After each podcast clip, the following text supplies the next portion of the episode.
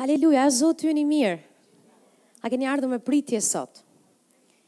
Unë jam shumë entuziaste për këtë që do të ndaj. Uh, teksa kemi qënë gjithë këto kohë, bashkë me pastorin na është dashur shumë herë, që të na vijnë besimtarët dhe kanë pasur nevojë për shërim.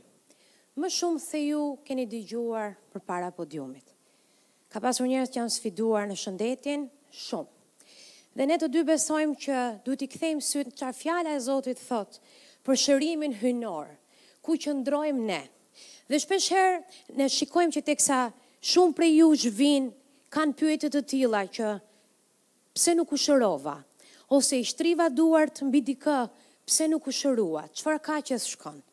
Dhe në dëshirën time dhe besoj që në dëshirën e zemrës Zotit, i cili është i interesuar që ne të gjithë të jemi të shëndetshëm plotësisht, do të shkojmë nëpër shkrime për të parë nga vjen sëmundja, si ka ardhur këtu dhe si Jezusi është marrë me të një herë e përgjithmonë. Ku është roli ynë si besimtarë, Ku funksionon lutja jonë dhe ku nuk funksionon lutja jonë. Dhe me dhe me durim do të shkojmë përmes Fjalës Zotit, jo vetëm sot, që të shikojmë çfarë Perëndia ka në vullnetin e Tij të përsosur që ne të jemi dhe Ai dëshiron që ne të jemi të plotë, të jemi të plotë në frymë, të jemi të plotë në shpirt dhe të jemi të plotë në trup. Amen? Ai na dëshiron që ne të jemi të plotë në çdo fushë të jetës tonë. Haleluja ju e dini se si zoti më ka shëruar mua nga një smundje e gjatë prej njëzet vitesh smundje gjaku e pashërushme dhe unë do të jem duke ndarë nga jeta ime shumë prej jush i kanë dëgjuar por kjo është dëshmia ime dhe unë njoh pastorë që i nderoj jashtëzakonisht që kanë predikuar gjithë jetën dëshminë e tyre. Dhe kjo është mënyra si e mposhtim të ligun. Fjala e Zotit thotë që ata e mposhtën të ligun me gjakun e Jezusit, me fuqinë e dëshmisë tyre dhe nuk e deshën jetën deri në vdekje. Amen. Kjo që përmes jetës time unë do të tregoj që kjo fjalë është e vërtetë, që kjo Bibël dhe çfarë Jezusi ka bërë në drurin e kryqit dhe me ringjalljen e tij është absolutisht e vërtetë. Ne dëgjojmë lloj-lloj gjëra sot në trupin e Krishtit, jo vetëm në Shqipëri, po kudo. që Perëndia e solli këtë sëmundje, Perëndia bëri këtë, Perëndia bëri atë, Perëndia nuk është autor i të keqes, Perëndia ynë është i mirë dhe mirësia e tij zgjat përjetë. Amen. Dhe fjala e Zotit thotë, vjedhësi vjen për të vjedhur, vrarë dhe shkatërruar, kurse unë thotë, Thotë Jezusi, Kam ardhur të keni jetë dhe jetë me bollëk. Dhe një varg tjetër thotë, Mos u mashtroni, vëllezërit e mi, çdo gjë e mirë dhe e përsosur vjen prej s'larti, nga Ati i dritave. Dhe Ati i dritave nuk e çoi Birin e Tij në drurin e kryqit, që të ndëshkoheshe për mëkatin, për mallkimin, për smundjen, që ndonjëherë të të hedhë ndonjë smundje ty. Zoti nuk është konfuz në planin e tij. Perëndia bën çdo gjë mirë, bën çdo gjë të mrekullueshme dhe nuk ka fare errësirë në veprat e Perëndisë. Çdo gjë që ai bën është dritë e plotë, është kaq dritë sa të verbohen sytë nga drita e tij. Haleluja, çdo gjë e bukur, çdo gjë e mirë që ai bën, Ka era Zot, ka era jetë. Çdo gjë që nuk e ka këtë lloj fruti nuk është nga Perëndia ynë. Amen. Që ne do të shikojmë se çfarë fjala e Zotit na thotë në lidhje me shërimin hyjnor dhe pse smuren të krishterë. Unë kam pas shumë pyetje, shumë pikëpyetje, Dhe do doja shumë që t'ju përgjigjem besimtarëve, nuk dua që ju të jeni në pikën që të varni vetëm në besimin e ne të dyve si pastorë apo të ndonjë njeriu që është më i pjekur se ju në besim për shërim. Ju duhet të vini në pikën që ju të luteni për familjarët tuaj. Ju t'i shtrini duart mbi të smurë dhe ata të shërohen. Sepse fjala e Zotit thotë shkoni në mbarë botën. Dhe ata që besuan, a besojmë ne? Ata që besuan, haleluja, do të shtrijnë duart mbi të smurë dhe ata do të shërohen. Amen. Do të mëkëmben, do të restaurohen. Nuk do t'i gjejë asgjë e keqe. Do të dëbojnë demonë.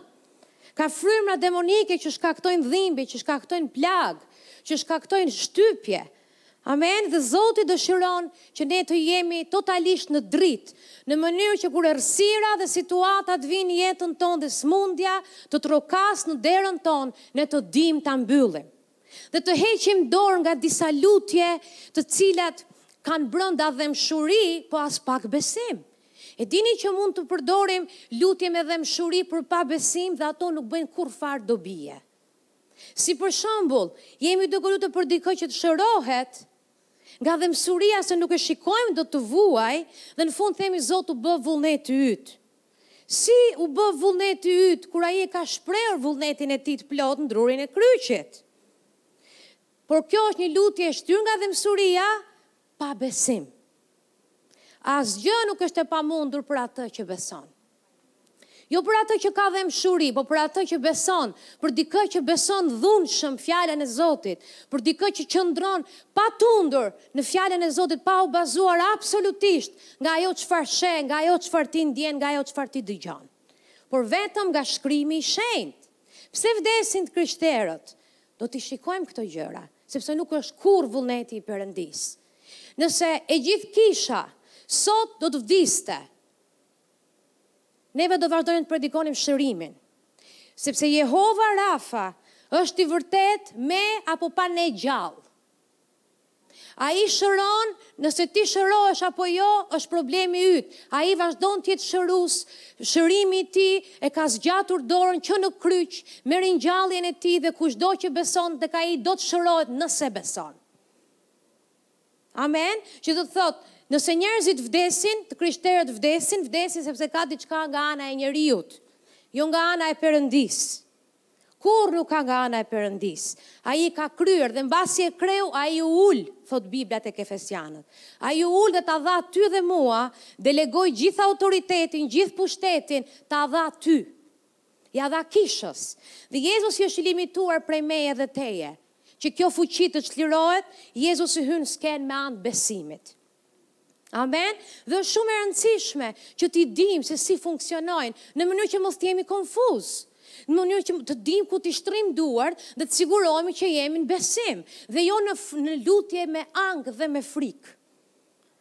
Ose në lutje të pasigurta, nëse ti je i pasigurt, ka njerëz që vijnë e më thonë mbase s'më shëroi Zoti se ku çka kam bërë. Nëse ti nuk e di ça ke bërë, je duke besuar gënjeshtër se ai njeri që mëkaton e di çka ka mëkatu.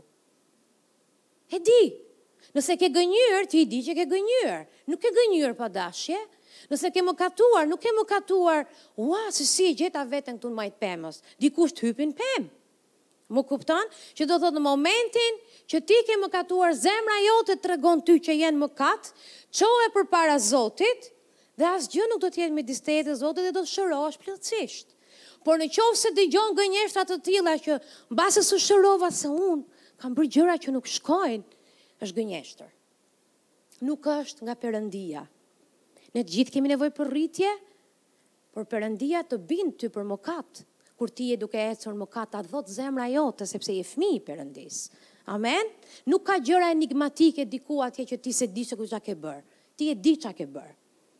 Të thashë e di zemra jote dhe e di fjala e Zotit kur ti e lexon atë që të bind. Amen. A është e qartë kjo gjë që po them? Haleluja. Në të gjithë botën, sikur e gjithë bota të kishte, në çdo familje të planetit, nga një doktor në shpi dhe nga një infermier, prapë bota do të ishte e smurë. Dhe arsyeja pse do të ishte e smurë është sepse sëmundja e ka origjinën tek mëkati, tek ajo çfarë ndodhi në kopshtin e Edenit.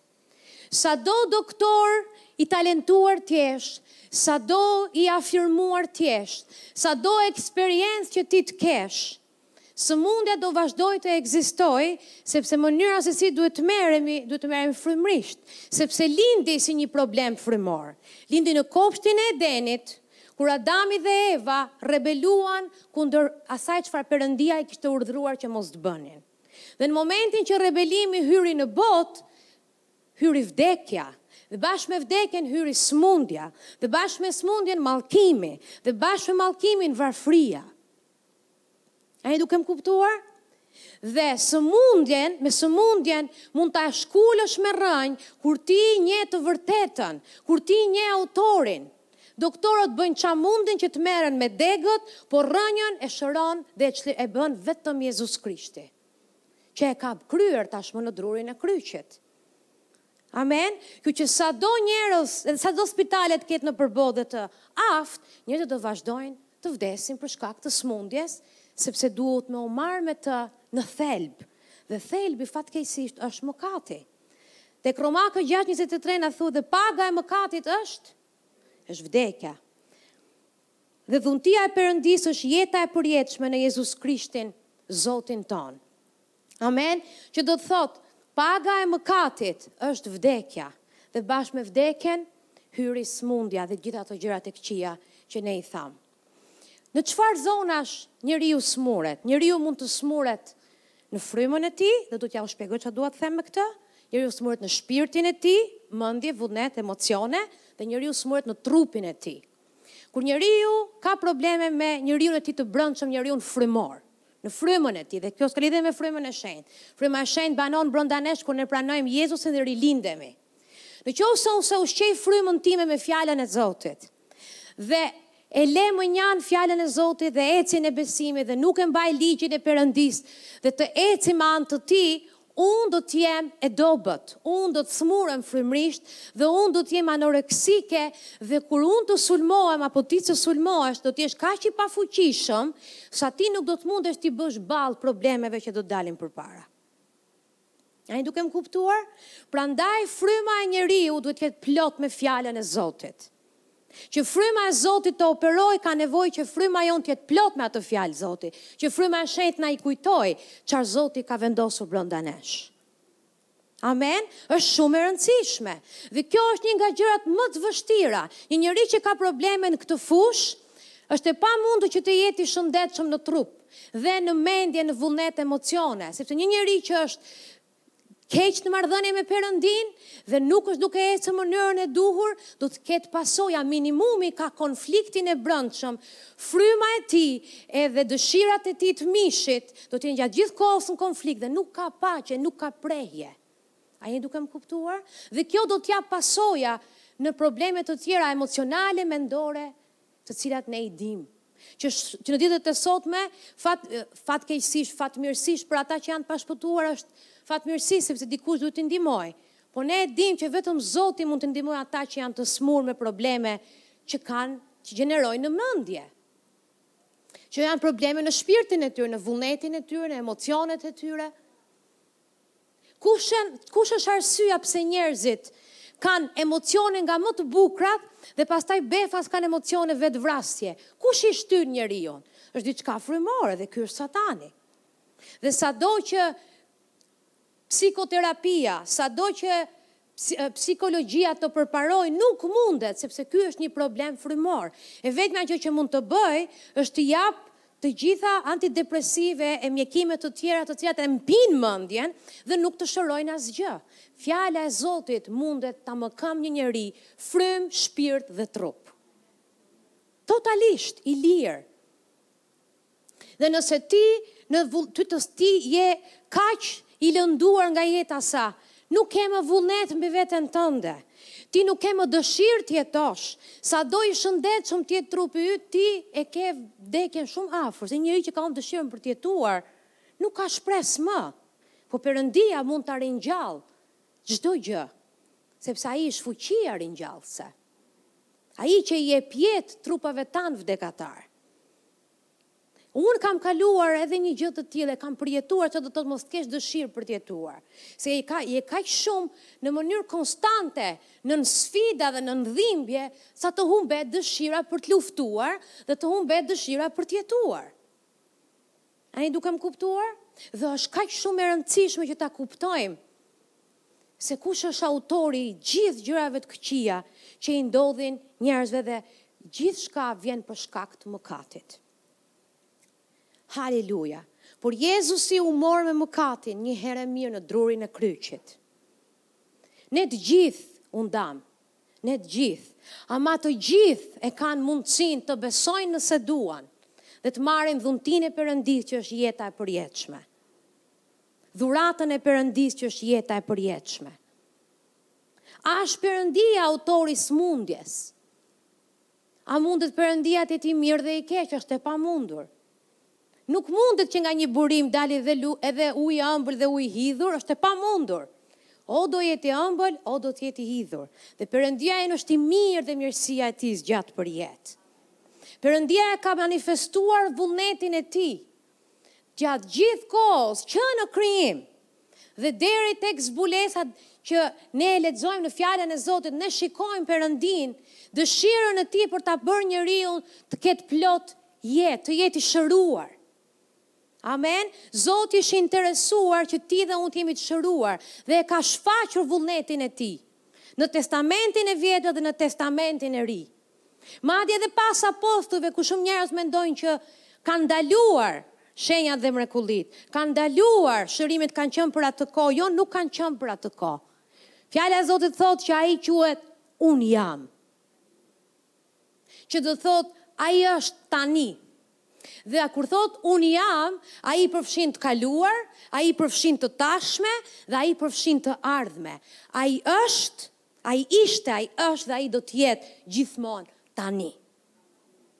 Prandaj bën thirrje njeriut sot nëse e dëgjon zërin e tij.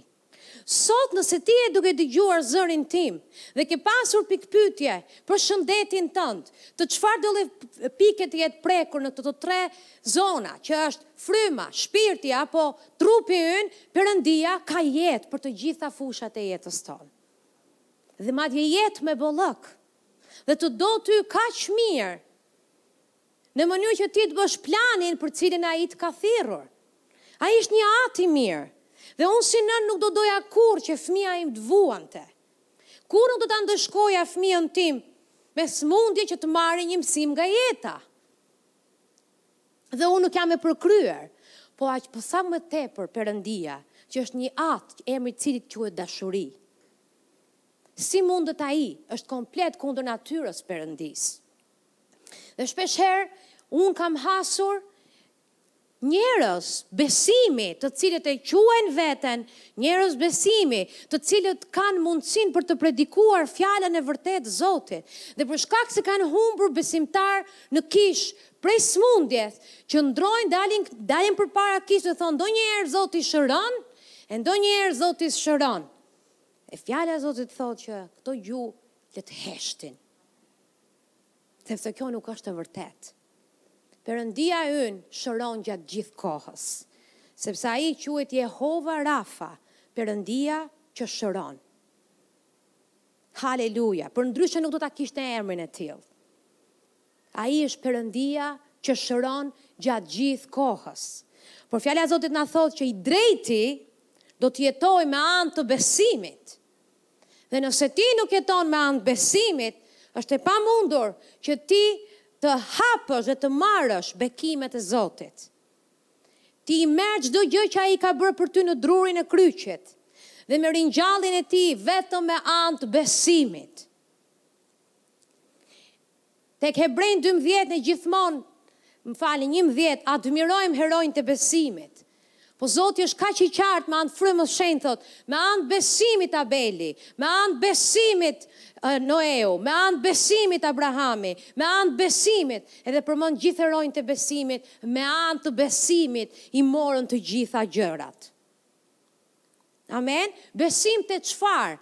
Tek ajo Çfarë Zoti thotë në Fjalën e Tij. Ti ose e beson gjithë Fjalën e Zotit, ose nuk e beson atë. Dhe shpeshherë ne mbështetemi duke parë në rrethana, në situata, në gjëra të ndryshme dhe nuk e mbajmë të fokusuar zemrën tonë të ankoruar në Fjalën e gjallë të Zotit. Ju dini historinë time. Dhe përpara se unë të shërohesha plotësisht dhe të shijoj një jetë të shëndetshme, pa të cilën njerëzit nuk mund të jetojnë, Shumë njerëz në fakt nuk e çmojnë jetën sepse kanë qenë gjithë kohës të shëndetshëm dhe nuk e dinë ça domethënë mos ta kesh atë. Nuk e çmojnë dhe nuk e shfrytëzojnë atë. Nuk e dinë mundësinë që ju jepet çdo ditë. që janë të shëndetshëm se sa shumë mund të bëjnë për Zotin dhe për të tjerët. Po kur ti nuk e ke atë, kur ti je i kërcënuar çdo ditë me jetën tënde, oh ti e vlerëson çdo minutë. Çdo minutë të duket i artë, e çdo moment që merr frymë thua Zot faleminderit. Dhe unë flas me, me, me konfidencë dhe me guxim, sepse unë e kam shijuar këtë Perëndi. E kam shijuar atë çfarë Jezusi ka bërë. Kam shkuar në vende të ndryshme, s'kam lënë vend nga ana njerëzore që unë të bëja bashkë me prindërit e mi që në ndonjë mënyrë të më lehtësoheshin dhimbjet e tmerrshme që ndjeja në trup. Duke qenë se linda me një sëmundje gjaku të pashërueshme dhe u shfaq në moshën njëvjeçare, dhe kishte kaq shumë rrisqe të larta, e cila mund të më merrte jetën në çdo kohë, isha e rrezikuar nga ataku në zemër, isha e rrezikuar nga hemoragjia cerebrale, isha e rrezikuar që mund të më sa herë që unë kisha kriza në trupin tim, një nga organet e mia ishte i rrezikuar mund të prekej dhe të dëmtohej sa mund të kishte mos kishte më kthim. Isha e rrezikuar nga të gjitha anët. Do të ruhesha nga të ftohtët e do të ruhesha nga të nxehtët. Do të ruhesha nga thatësira e do të ruhesha nga lagështira. Domethënë futja vetes se s'ke nga të shkosh. Përfundimisht isha e vdekur. Dhe ajo nuk është jetë. Si të rrish si në qelq, ajo nuk është jetë. Dhe është sado në forcën tonë njerëzore të përpiqemi që të ndjekim çdo këshillë mjekësore, është e pamundur, ajo nuk quhet jetë. Nuk është jetë. Dhe sëmundja në fakt, ato zonë ku ti je i sëmurë, është vdekje e limituar, ajo pjesë e jetës tënde është si e vdekur, është gjithë kohës në dhimbje, në lëngim, atë ti nuk e jeton, je vjedhur nga pushteti që satani Ka.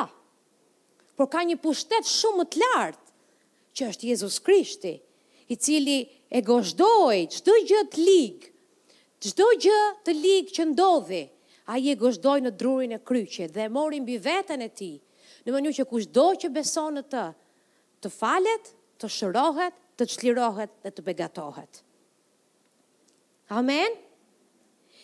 Dhe në moshën një vjeçare, mua m'u shfaqën këto probleme. Deri një vjeç, isha shumë e shëndetshme, të paktën kështu dukej, por në moshën një vjeçare, marr një pneumoni goxha serioze, dhe pneumonia nxori në pah edhe problemet e tjera shëndetësore që unë kisha. Sipas analizave, tregonin që Trupi im prodhonte rruaza gjaku, jo aq sa për një njeri normal, që do të thotë nuk ishte i mjaftueshëm që të furnizonte me oksigjen mushkëritë e mia, dhe përveç kësaj rruazat e mia të gjakut ishin të deformuara. Duke qenë se ishin të deformuara, në rrugëtimin që rruazat e gjakut kanë çdo ditë nëpër trupin tonë, kur ato prekeshin njëra-tjetrën, ato çanin venat dhe shkaktonin dhimbe të tmerrshme në kockat e mia.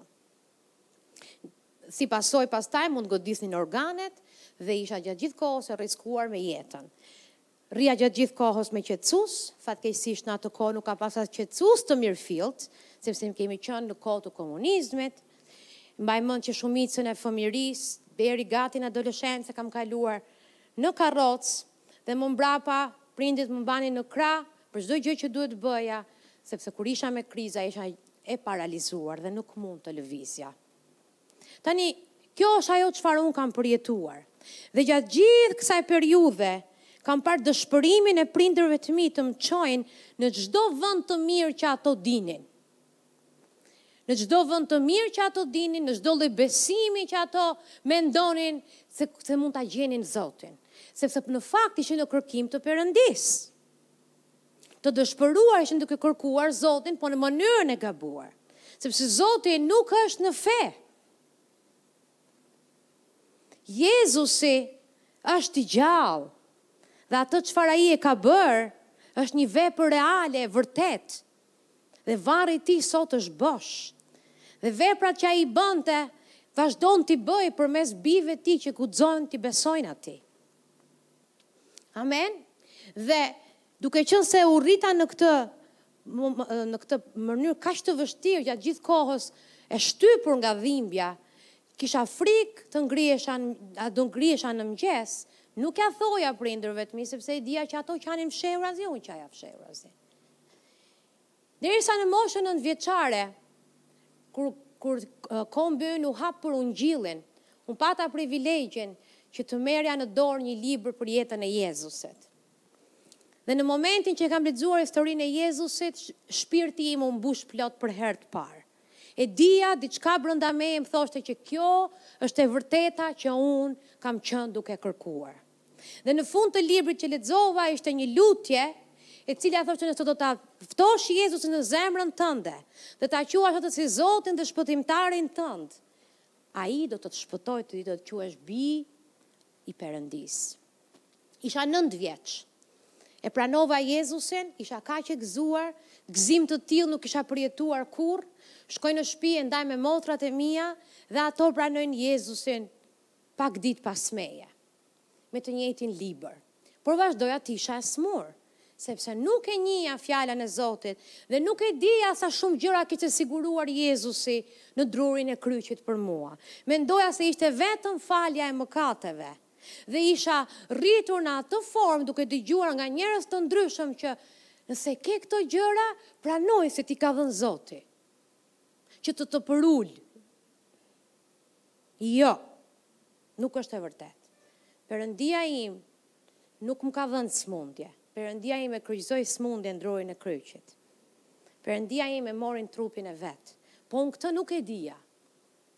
Dhe po dëgjoja një, po dëgjoja për një doktor, i cili ishte tek pesëdhjetë e pesat, edhe po thoshte, Tetëdhjetë deri nëntëdhjetë për qind e pacientëve të mi kanë arsyeja pse kanë probleme me shëndetin i kanë se i kanë problemet nga veshët e lart, që do të thotë mendja. Pse? Sepse kur ti nuk di të vërtetën dhe je i bindur gabim dhe ke besuar gabim, ti do të jetosh gabim. Nëse ti nuk e di që të është hapur dera e burgut për shkak të asaj çka Jezusi ka bërë, edhe pse dera është e hapur ti do rrish brenda. Ti do rrish brenda, duke u lutur dhe përgjëruar Zotin që tashmë e ka hapur derën, Të lutem më nxirr nëse është vullneti yt. Dhe ai e ka shprehur vullnetin e tij. Ai na deshi kur ne ishim ende mëkatarë. Ai e shprehu totalisht vullnetin e tij. Atëherë kur ne nuk e meritonim, kur ne ishim të paudhë, ai vdiq në kryqin e Kalvarit. Me anë të njërit mëkati hyri, që ishte Adami, po me anë të njërit drejtësia hyri, sikur me Adamin hyri mëkati, hyri sëmundja, hyri mallkimi, hyri varfëria, me anë të Jezusit hyri jeta dhe jeta me bollëk në të gjitha fushat. Haleluja! Dhe kushdo që beson në të, thotë Fjala e Zotit, nuk do të turprohet aspak. Mos kini frikë t'i besoni Zotit, sepse Ai nuk gënjen. Po siguroni që jeni vetë në besim, siguroni që jeni kaq plot me Fjalën e Zotit, sa e dini dhe e dini dhe e dini që atë ça Zoti thotë e ka seriozisht dhe është e vetmja e vërtetë që ti beson. Është i vetmi raport që ti beson. Gjithmonë më ka bërë përshtypje kur tek historia tek numrat kur spiunët shkuan të shikonin tokën e premtuar, dhjetë prej tyre besuan një raport tjetër dhe dy prej tyre një raport tjetër. Dhe me çfarë dukej, të dyja palët e kishin të drejtë. Edhe këta të dhjetët e kishin të vërtetë, sepse ata ishin gjigantë dhe edhe këta të tjerët e kishin të vërtetë. Por, por, Këta u mbështetën tek aftësia që perëndia e tyre kishte për të mposhtur këta gjigantë, kurse këta të tjerët u mbështetën te sa të vegjël ishin vetë dhe sa e pamundur ishte që të fitonin mbi ato gjigantë. Dhe këta të dy hynë në Tokën e Premtuar me anë të besimit dhe këta tjerët vdiqën në shkretëtirë. Ndryshimi është beso. Dhe besimi nuk është vetëm vargje përmendsh që ti i thua me zë të lartë. Njeriu më parë beson me zemër në drejtësi, fjalën e Zotit, dhe pastaj bëhet rrëfim për shpëtim. Ti e mbush zemrën Që besimi të vijë, e fjala e Zotit thotë që besimi vjen nga dëgjimi, e dëgjimi nga fjala e Perëndisë, atëherë do të prodhojë besim duke e dëgjuar, duke e dëgjuar fjalën e Zotit. Do të prodhojë besim dhe automatikisht ti do të bësh rrëfim për shpëtim, rrëfim për shërim, rrëfim për çlirim, rrëfim për bekim, rrëfim për çdo gjë që fjala e Zotit ta ka siguruar ty me anë të Jezusit. Amen. Është shumë e rëndësishme. Zoti dëshiron që ne të jemi ta mbajmë fort rrëfimin e besimit. Rrëfimi i besimit mbahet fort pasi e ke mbushur zemrën fort me fjalën e Zotit. Amen. Sepse sikur Zoti e di je apo jo ti në besim, edhe i ligu e di kur ti je apo s'je në besim. I ligu e di kur ti lutesh nga frika se mos të të vdesë, dhe e di kur ti je në besim, ai largohet në shtatë rrugë në terror. Ai e di, njerëzit me besim, janë konfidentë, janë të qeshur, sepse e dinë që atë që Zoti e ka premtuar, është plotësisht i aftë edhe ta kryejë. Unë shpeshherë marr shembullin e djalit tim, të cilin kur e vendos me një vend të lartë e them hidhu te mami, ai është plotësisht i bindur që mami i ka kaq mend në kokë, s'e lëshon tokë, sepse ka besim në dashurinë që mami ka për të dhe hidhet i sigurt te krahët e mamit apo te krahët e babit. E pra ftesa ime është beso që ky Perëndi i Fjalës Zotit, Është i aftë ta mbajë fjalën e tij hidhu e hidhu pa frikë, sepse është i aftë të restaurojë çdo gjë në jetën tënde. Nuk ka problem sa e shkatërruar e sa e copëtuar është. Ai mundet. Ai thërret gjëra që nuk janë sikur të ishin. Ai është ringjallja dhe jeta. Haleluja! Është një Perëndi i mrekullueshëm që të do ty të jesh i plotë. Amen. Sigurohu që e ke zemrën plot me besim. Sigurohu nga është burimi i gjërave të këqija që të ndodhin dhe çdo gjë e keqe që të ndodh është i ligu.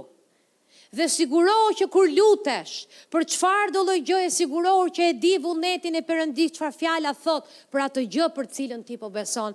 Dhe mbasi të sigurohesh, mos dysho, qëndro dhe mbaj rrëfimin e besimit. Amen Jeta nuk është fushë me lule, edhe pse je i krishterë, në fakt, arsyeja pse je i krishterë, drita nuk duhet nga errësira, dhe ti dhe unë do të kemi shumë sfida vetëm se jemi dritë. Ata nuk deshën Jezusin, nuk do të duan edhe ty. Nuk kemi pse të habitemi. Do të persekutohesh për shkak të emrit të Jezusit? Duam ne shërbesa të fuqishme? Atëherë duhet të lutemi për të smurët. Sepse kur ti lutesh për të smurët, fuqia e Perëndisë manifestohet mesin tonë. Dhe ato që Zoti mund ta bëjë në një çast, ti dhe unë me gjithë metodat tona të mrekullueshme gjithë jetën s'e bëjmë dot. Një çast, një çast. I bindet Frymës Shenjtë e Fryma e Shenjtë ndryshon një komb. Haleluja! Një çast bindje. E sot e kësaj dite, e përmend pastori vazhdimisht, kemi një familje që është duke persekutuar për shkak të mrekullisë që mori në Maqedoni. Kemi njerëz që po përndiqen sepse besuan dritën, sepse errësira nuk e do dritën. Nuk e do. Dhe do një kishë pa probleme, mos fol për fuqinë e Zotit, dhe je një klub i mrekullueshëm social gjithë ditë e jetës tënde, siç hyre e dole kurrë s'ka për ndryshuar asgjë me ty. Je vetëm një fe më shumë, asgjë më shumë. Dhe feja nuk lëviz askënd, po fuqia e Perëndisë lëviz çdo gjë. Amen.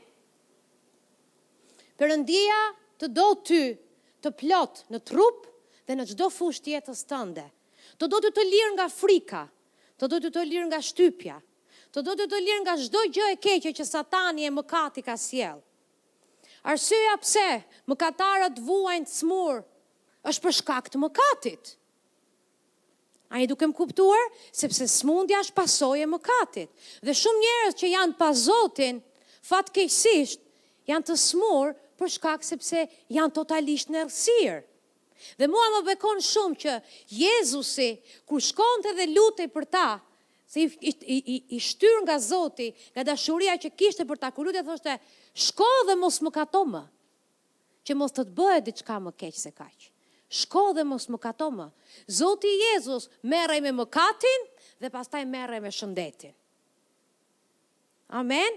Jezusi gjatë gjithë kohës thoshte shko dhe mos mëkato më. I tha gruas, e cila kishte shkelur kurorën, i tha shumë njerëzve të tjerë të cilët shkon do të t'ju jap referencat që t'i lexoni vetë, shkoni dhe mos mëkatoni më. Pse? Sepse në momentin që ti bëhesh i lirë nga smundja, nga pushteti i të ligut dhe zemra jote i përket Jezusit, ti je si një foshnje e vogël, e cila sapo ka rilindur dhe ka nevojë për qumështin e pastër të Fjalës, që të mbushet dhe të jetojë e të rritet me anë të tij. Dhe nëse ti nuk ushqehesh me Fjalën, pasi të jesh bërë i lirë, do të jesh pre e lehtë për të ligun dhe mund të bëhesh më keq se ç'ishe. A je duke më kuptuar? Sepse është shumë e rëndësishme që mbasi jemi të lirë nga çfarëdo lloj shtypje që i ligu ka bërë dhe ti ke ardhur në mbretërinë e Perëndisë, Ti ke nevojë që të mbushesh me Fjalën e Zotit. Para disa ditësh takova një vajzë që e mbaj mend që ne jemi lutur për të, kishte probleme që atëherë me me shëndetin, kishte probleme me mendjen dhe mbaj mend që Zoti e bëri të lirë në atë kohë, totalisht të lirë. Dhe Dha fjalën që do të ecte, do të mbushej me fjalën e Zotit, do të dedikohej, të shkonte në kishë e më the të thashë. Dhe më pas marr vesh që jo vetëm që s'e kishte bërë këtë gjë, por kur e pashë, me thënë të vërtetën, kur e pashë gjendja e saj shëndetësore ishte më keq se ç'e kisha parë para këtu e tre-katër vjetëve dhe mezi rrinte në këmbë. Dhe po ta pyesje a ke shkuar në kishë do të jepte një mijë e një justifikime pse nuk kishte shkuar në kishë. Dhe pastaj habitemi pse njerëzit smuren dhe vdesin. Sepse ndërkohë që ti je duke qëndruar i ligu nuk është me pushime dhe ai dëshiron të vjedhë, të vrasë dhe të shkatërrojë gjithkënd që Perëndia e do. Nëse ti e lejon, ai të vjedh ty shëndetin, nëse ti e lejon të vjedh shëndetin e fëmijëve tu, të familjes tënde, të çdo gjëje. Financat t'i merr, gëzimin ta merr, ai është hajdut nga natyra, ai nuk ndryshon dot, është kleptomaniak, nuk ndryshon dot. Ai thjesht do vetëm të vjedhë, sepse është në natyrën e tij.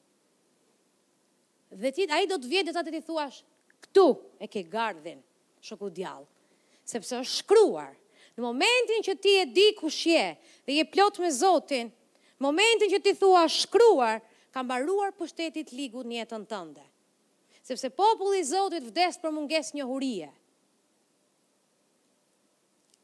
amen dhe ne nuk duam ta dim të vërtetën ne duam që të jemi plot me të vërtetën Dhe isha duke ju thënë, që mbasi pranova Jezusin, kur isha nëntë vjeç, vazhdova të isha e smur deri në moshën njëzet vjeçare. Sepse kam frekuentuar kisha dhe vënde të cilët nuk e njihnin ato çfarë Jezusi kishte bërë për mua në drurin e kryqit. Nuk e dinin. Dhe kisha është vëndi ku ne du t'japim përgjigje t'gjithë atyre që janë të munduar. Kisha është vendi që ne nuk kthejmë dot askënd mbrapsht. Edhe atë që është me lebër, edhe atë që është i alkoolizuar, edhe atë që është homoseksual, edhe atë që është prostitutë, është vendi ku ata mund të bëhen të lirë. Ne nuk mundem të kryqëzojmë duart të themi, më vjen shumë keq, s'di çfarë të bëj, do lutem për ty. Jo, Perëndia ynë është përgjigjja. Dhe Ai mund të bëjë të lirë çdo rracë njerëzore, çdo njeri të çfarëdo lloj përmase, të çfarëdo lloj problemi, të çfarëdo lloj degradimi, Ai mund të bëjë çdo gjë nga e para. Haleluja! Sepse i tillë është. Dhe vazhdova të isha e smur, e shpëtuar, e doja shumë Jezusin, po isha e vogël dhe nuk kisha dikë që të më mësonte Fjalën e Zotit. Shumë herë jam hasur me situata shumë serioze, shumë herë kam rrezikuar jetën seriozisht. Mbaj mend tre herë në s'gaboj përpara se të bësha 20 vjeç, kam shkuar në spital më shumë e vdekur se e gjallë. Po diçka brënda meje. Ajo dashuria ime prej fëmije, e sinqeriteti e besimi im i sinqertë, në Jezusin pavarësisht se nuk e dija çfarë Ai kishte bërë në drurin e kryqit, unë kisha besim që Ai mund të më nxjerrë. Dhe e vërteta është që kur Perëndia shikon besim si fëmijë tek ti, Ai gjithmonë do të të bëjë të të nxjerri në krahun tjetër.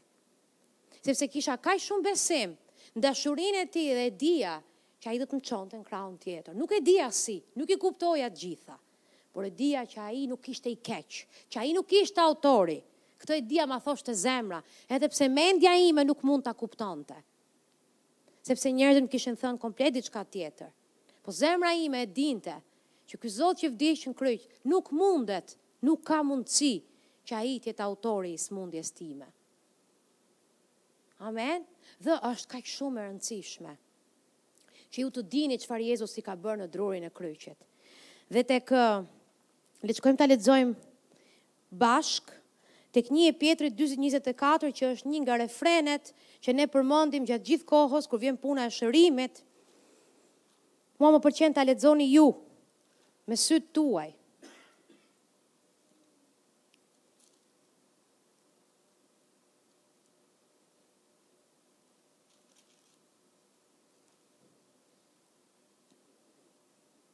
Ai vetë barti mëkatet tona në trupin e tij mbi drurin e kryqit. Kush i barti mëkatet tona në, në trupin e tij në drurin e kryqit? Jezusi. Që ne thotë të vdekur për mëkate, të rrojmë për drejtësi dhe me vurratat e tij ju u shëruat. Amen. Me plagët e Jezusit ne u shëruam. Ai vetë qëndroi si si zëvendësues në vendin tënd dhe timin, tha unë do ta marr për njerëzimin në mënyrë që ata mos ndëshkohen, sepse paga e mëkatit thamë është vdekja. Unë do t'i marr mbi trupin e kry, mbi, mbi drurin e kryqit, të gjitha mbi trupin tim, në mënyrë që ata të jenë të lirë. Amen? Dhe thotë, me anë të plagëve të tij, Jezusi, jo vetëm që u mor me mëkatin, u mor me, me sëmundjen, u mor me mallkimin, që me anë të plagëve të tij ne të jemi të shëruar.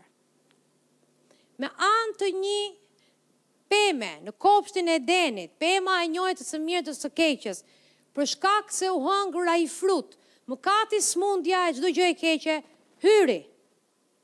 Po me anë të një druri tjetër, që është druri i kryqit, u pagua një herë e përgjithmonë, që ti dhe unë të jemi të lirë, tërësisht të lirë. Amen? Ka shpresë. Ka shpresë për gjithë atë që është duke vuajtur. Ka shpresë për atë që ndihet i rrethuar nga lajmet këqija vazhdimisht për shëndetin. Ka shpresë dhe kjo shpresë do të çojë ty në besim nëse ti e mbush zemrën plot me fjalën e Zotit. E ti do ta dish, e do ta dish, e do ta dish që Jezusi të do ty mirë. Sepse ti je fëmija i tij, je gjymtyrë e Jezus Krishtit. Kur ai na krijoi ne, kur Perëndia na krijoi ne, ai na krijoi në kopshtin e Edenit, thuhet ai e krijoi njeriun sipas imazhit të tij. Tha le ta bëjmë njeriun sipas imazhit tonë. Dhe Perëndia nuk është i sëmurë. Që do të thotë plani origjinal i Zotit ishte që ti të jesh i plotë, i shëndetshëm. Çdo gjë ndryshoi kur mëkati erdhi. Dhe Zoti e paralajmëroi Adamin. Ishte plotësisht i shëndetshëm Adami përpara mëkatit, totalisht i mrekullueshëm. E paralajmëroi te Zanafilla dy dhe i tha në ditën që do të hash ti do të vdesësh. Ti do të vdesësh.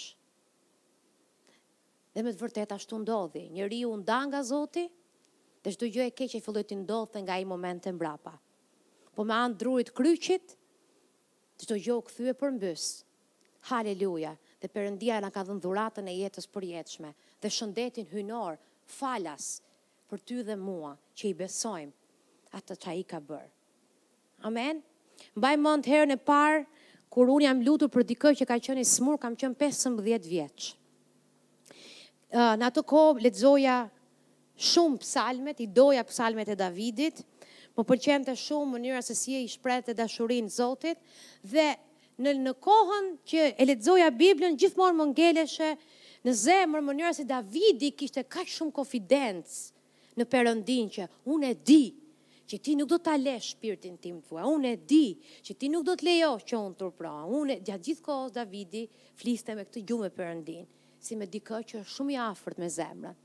Dhe mbaj mend atë kohë, motra ime kaloi një apandesit shumë serioz, ë u shtrua në spital dhe për shkak të gjërave që komplikacioneve që i ndodhën, në atë kohë e shtruan tek materniteti Gliozheni në mos gaboj dhe atje në dhomë kishte një grua e cila ishte diagnostikuar me kancer në mitër. Ishte shumë rëndë, mund ta shikoje që nga pamja dhe nuk i kishin dhënë aspak shpresë për jetën. Uh, unë ndjeva shumë dhembshuri në zemrën time dhe kur shkoj në shpi, mbaj mend kam dalë në balkon edhe isha duke u lutur dhe i thashë Perëndi. Unë nuk e di Si të lutem, nuk di sa besim kam përpara syve tu, po unë e di që ti nuk më turpron kurrë. Kështu që unë lutem, Perëndia im shëroje atë grua dhe bëje të lirë. Kjo ishte lutja që unë bëra. Dhe disa ditë më mbrapa motra ime del nga nga spitali, u bë mirë dhe unë i humba totalisht kontaktet me këtë gruan dhe nuk dija se ça ishte bërë me të sepse motra doli dhe nuk kisha më arsye për të vajtur në spital. Dhe jam lutur vazhdimisht. Falenderoja Zotin thoja, falemnderit që ti e ke shëruar, falemnderit që ti ke lejuar që ajo të jetojë. Dhe në gjithmonë në lutjet e mia përmendja këtë grua. Vite më vonë, mendoj diku rreth 5 apo 6 vite më mbrapa, e mbaja mend vetëm që kjo grua ishte nga Saranda dhe i mbaja mend emrin. Shoqja ime shkonte vazhdimisht tek gjyshrit në Sarandë për për për plazh. Dhe vjen edhe më tregon një ditë komplet në komplet në, domethënë në pafajësi, s'e kishte idenë se çfarë kisha lutur unë Zotit dhe po më tregonte për një shoqen e mamit të saj, e cila para pesë gjashtë vjetëve kishte qenë e smur me kancer dhe nuk e kuptonin se si ishte shëruar, po ajo ishte gjallë. Ma tha dhe i thashë si ka emrin. Kur ma ka thënë emrin, jam prekur jashtëzakonisht shumë. Që ajo ishte gjallë, për shkak se një vajzë e vogël, që e njihte aq pak Zotin, po kishte besim në atë që e njihte Zotin, Perëndia e shtriu dorën e tij të fuqishme, sepse dikush besoi. Dikush besoi. Perëndia bën gjëra të mrekullueshme për ata që besojnë. Nuk dija, nuk dija shumë gjëra, isha komplet e pafajshme, nuk e njihja shkrimin siç e njoh tani, nuk dija kaq shumë gjëra për shërimin sa di tani, ama kisha një besim prej fëmije, se e dija që Zoti nuk më zhgënjen.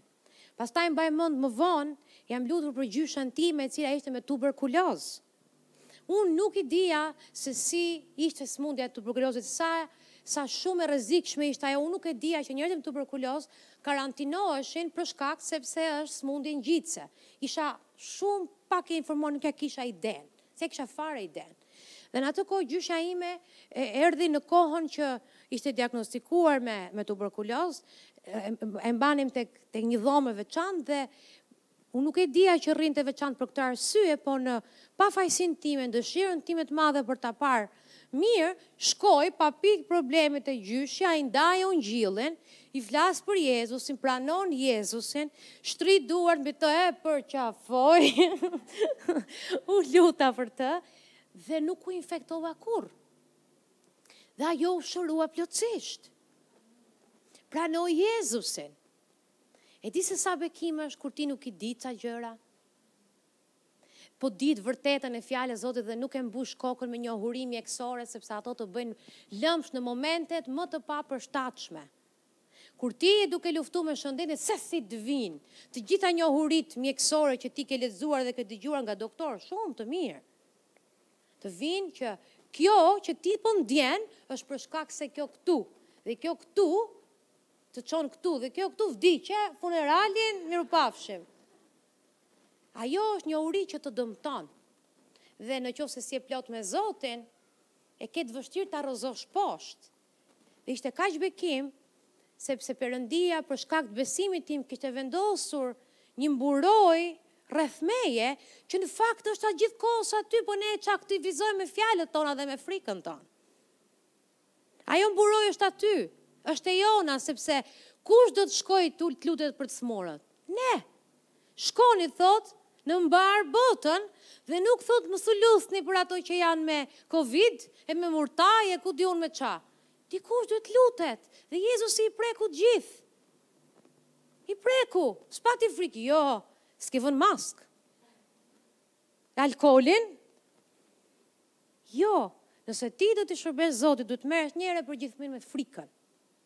Sepse frika është e kundërta e besimit dhe do të vijë të të sulmojë ty, që ti mos bësh veprën për cilën Zoti ty të ka thirrur. Jezusi shtriu duart mbi të sëmurët. Jezusi i preku dhe ata u shëruan. Dhe Jemi ne ata që aktivizojmë apo çaktivizojmë mbrojtjen e Perëndisë me anë të frikës.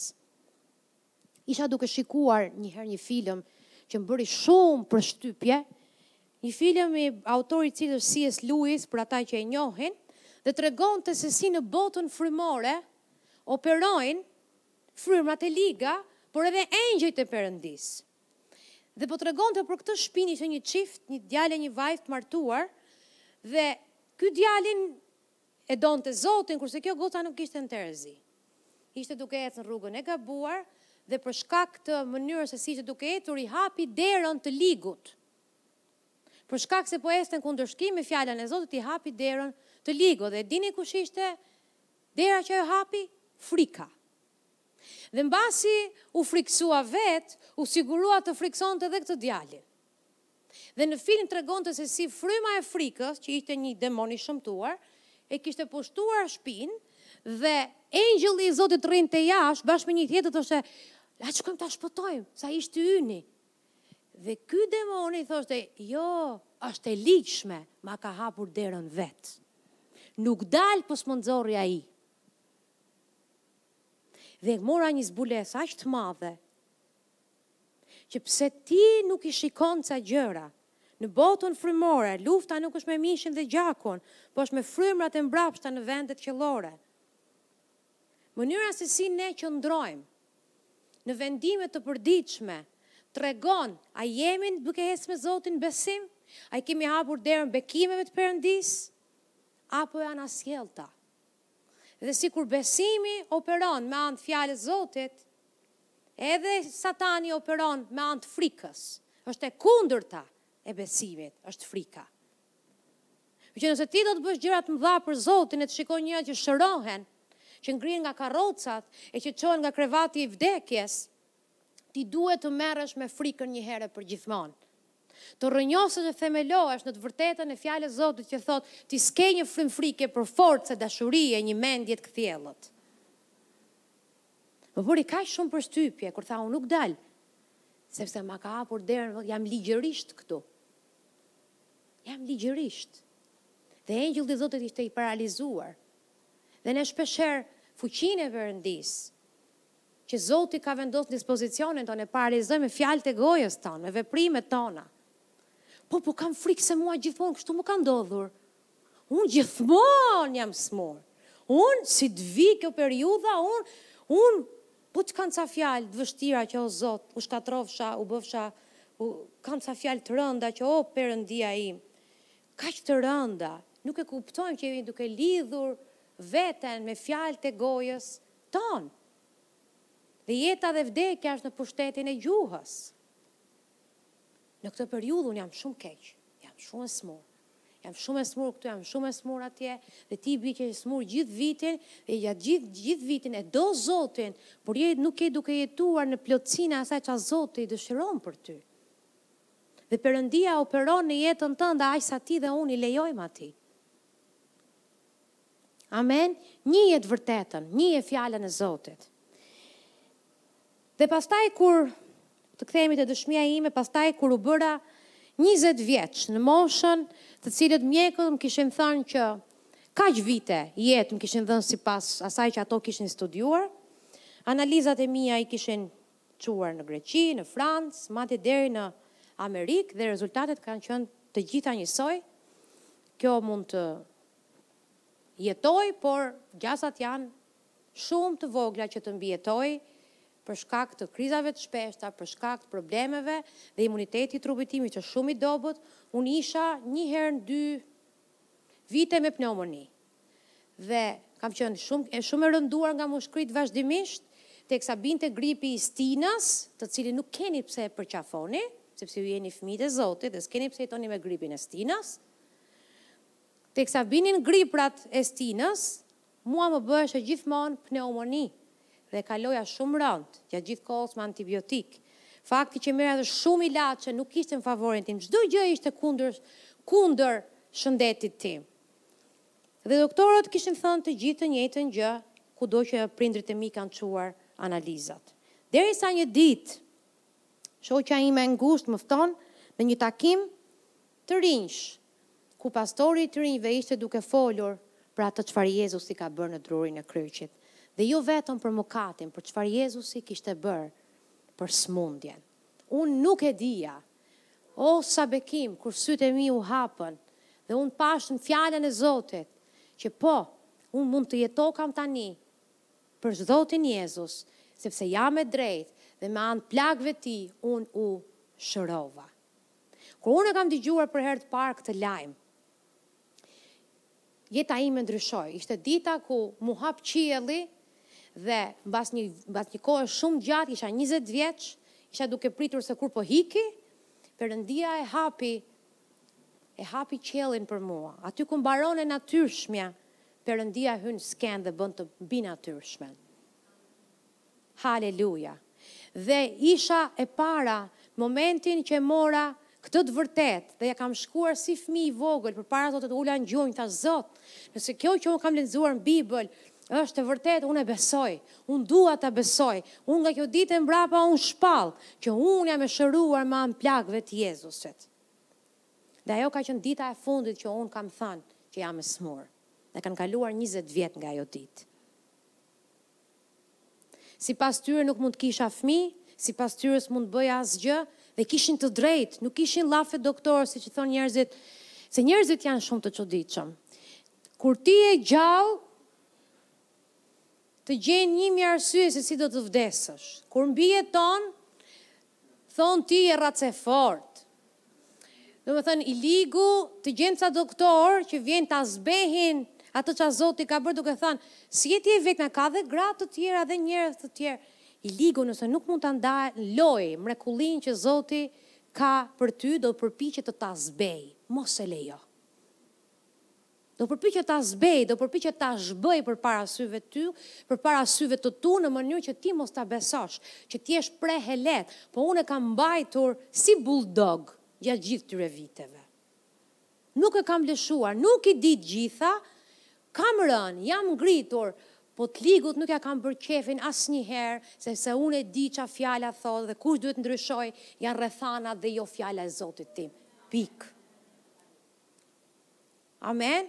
Dhe për shkak se kam besuar fjalën dhe raportin e Zotit, unë munda të hy në tokën e premtuar, dhe sot jetoj ëndrën time, nuk jam më e varur nga prindrit e mi të më ngrejnë në krahë e të më ulin në karrocë, jam në këmbë, nuk jam e vdekur ku duhet të isha aty, jam nënë, jam duke jetuar ëndrën time dhe mund të ndaj dëshminë time për gjithë ata që kanë qenë si unë, që të bëhen dhe ata të lirë. Sepse po Jezusi është i vërtetë, dhe po varri është bosh, dhe po ato që Ai e thotë këtu është e vërtetë. Kur Ai thotë që i mbajta smundjet e tua e ka seriozisht, kur Ai thotë që i mora dhimbjet e tua i ka seriozisht. Dhe unë vendosa të jetoj me anë besimit. Nuk e abortova mrekullin time. Nuk e abortova, qëndrova, e mbusha veten. Dhe më bën shumë përshtypje ndonjëherë njerëzit duan të shërohen por nuk duan të paguajnë çmimin që të jetojnë të lirë. Po flisa me një vajzë para disa ditësh, të cilën e kam xhan, dua shumë që ta shoh mirë. Dhe po po i thoja që A do të vish në kishë? Shumë herë i kam thënë, është besimtare, dhe i thashë, a do të vish në kishë? Eja në kishë që të dëgjosh fjalën e Zotit, se për këtë ke nevojë dhe pastaj dalim të dyja, nuk është problem. Tha, unë nuk vij dot. Sepse unë jam me një veshkë dhe veshkën tjetër e kam, jo, dhe këtë veshkën që e kam e kam me gur. Dhe unë nuk rri dot ulur, po me ty dua të ulem të pi kafe. M'u bllokua. Tash një sekond. Kjo mund të rri ulur te kafja, po kjo s'mund të rri ulur te kisha, edhe i thashë motër e dashur, nëse unë do isha me një veshkë, dhe atë të bekuar ta kisha me gur, unë do kisha vrapuar edhe deri në Sarandë për të shku në kishë, nëse e di që Zoti po shëron atje. Nëse e di që Zoti po manifeston fuqinë e Tij dhe unë mund të shërohem dhe ka një shpresë që ta kem veshkën pa gurë dhe të kem edhe një tjetër dhuratë, po unë do kisha vrapuar në këmbë, moj Tiranë Sarandë! Dhe fatkeqësisht, kështu janë shumica, duan vetëm dhembshuri, oo, sa gjynah, ça të bëj për ty? Hajde pimë kafe. Jo, nuk do pimë kafe. Nëse e do fuqinë e Perëndisë, unë jam në kishë. Aty e predikoj të vërtetën dhe me jetën time çdo ditë. Për aq sa mundem, për aq sa dritë kam. Kam ende për të bërë rrugë, kam ende për t'u rritur, kam ende për t'u ndryshuar, po lavdi Zotit e du Zotin shumë dhe dua shumë ta nderoj. Dhe nëse Zoti s'ma ka bërë mua të lehtë në kuptimin që pret që unë të jetoj me anë të besimit tim, do ta inkurajoj, do ta mësoj, dhe do ta dëshmoj me jetën time që po mundesh. Mundesh! Mundesh! Zoti nuk të shëron dot ty nëse ti nuk do. Nëse ti do të rrish i gjymtuar, do të rrish i gjymtuar. Nëse ti do më shumë të kesh simpatinë e njerëzve, se sa gjynah je ti, do të rrish ashtu. Do ta kesh simpatinë, po do të të vidhet jeta. Po ka më mirë. Ka shumë më lart. Mund të jetosh një jetë me bollëk e mund të jesh një dëshmi e një flakë zjarri për Perëndinë. Që të shkosh t'i shtrish duart edhe njerëzit të marrin veshka të reja e të bëhen të lirë, sepse fuqia ringjallëse vepron përmes teje. Nga ti tek të tjerët, lumenjtë e ujit të gjallë do të rrjedhin. Amen? Ka qëllime shumë më të larta sesa t'i biesh në sy njerëzve. Kur je në betejë, nuk ke kohë për simpati, nuk ke kohë për emocione, nuk ke kohë për ndjenja të çuditshme, duhet me lëftu sepse e ke kokën në në gijotinë, të duhet patjetër të luftosh.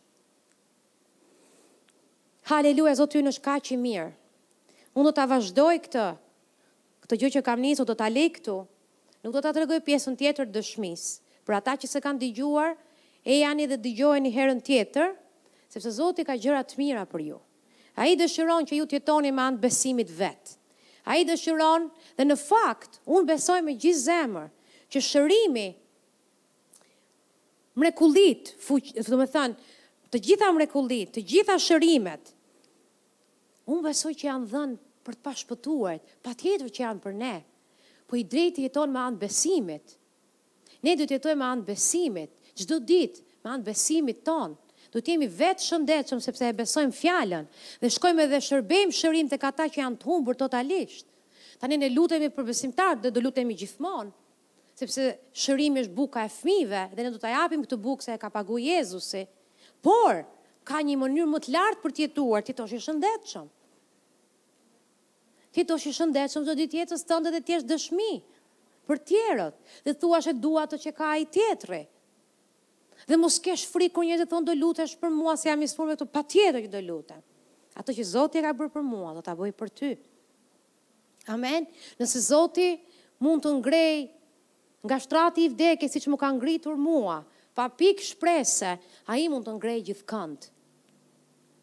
Të gjithë mund të më thonë mua që ai nuk është i vërtetë dhe nuk shëron më. Mua s'më thon dot, sepse unë kam parë.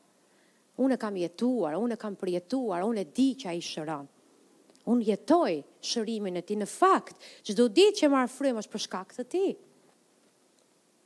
Ama fjalën e shërimit nuk e heq nga sytë. Sado e shëndetshme të jem, fjalën e shërimit nuk e heq nga sytë. Ilaçin e Perëndisë nuk e heq nga sytë. Sepse e di që kjo është fortesa që ma ruan jetën dhe ma ruan shëndetin. Kjo është fortesa që ma ruan mendjen e ma ruan familjen. Në qoftë se ju doni ta shijoni dhe të dëgjoni gjitha ato gjëra të mrekullueshme që Zoti ka bërë vetëm përmes jetës time e sa e sa të tjerë që jeni ulur aty, mrekulli që ka bërë Perëndia. Eja dhe dëgjoje. Sa lajme të këqija kam dëgjuar në jetën time për njerëzit që i dua. Sa raporte negative, vdekjeprurëse më kanë dëgjuar veshët.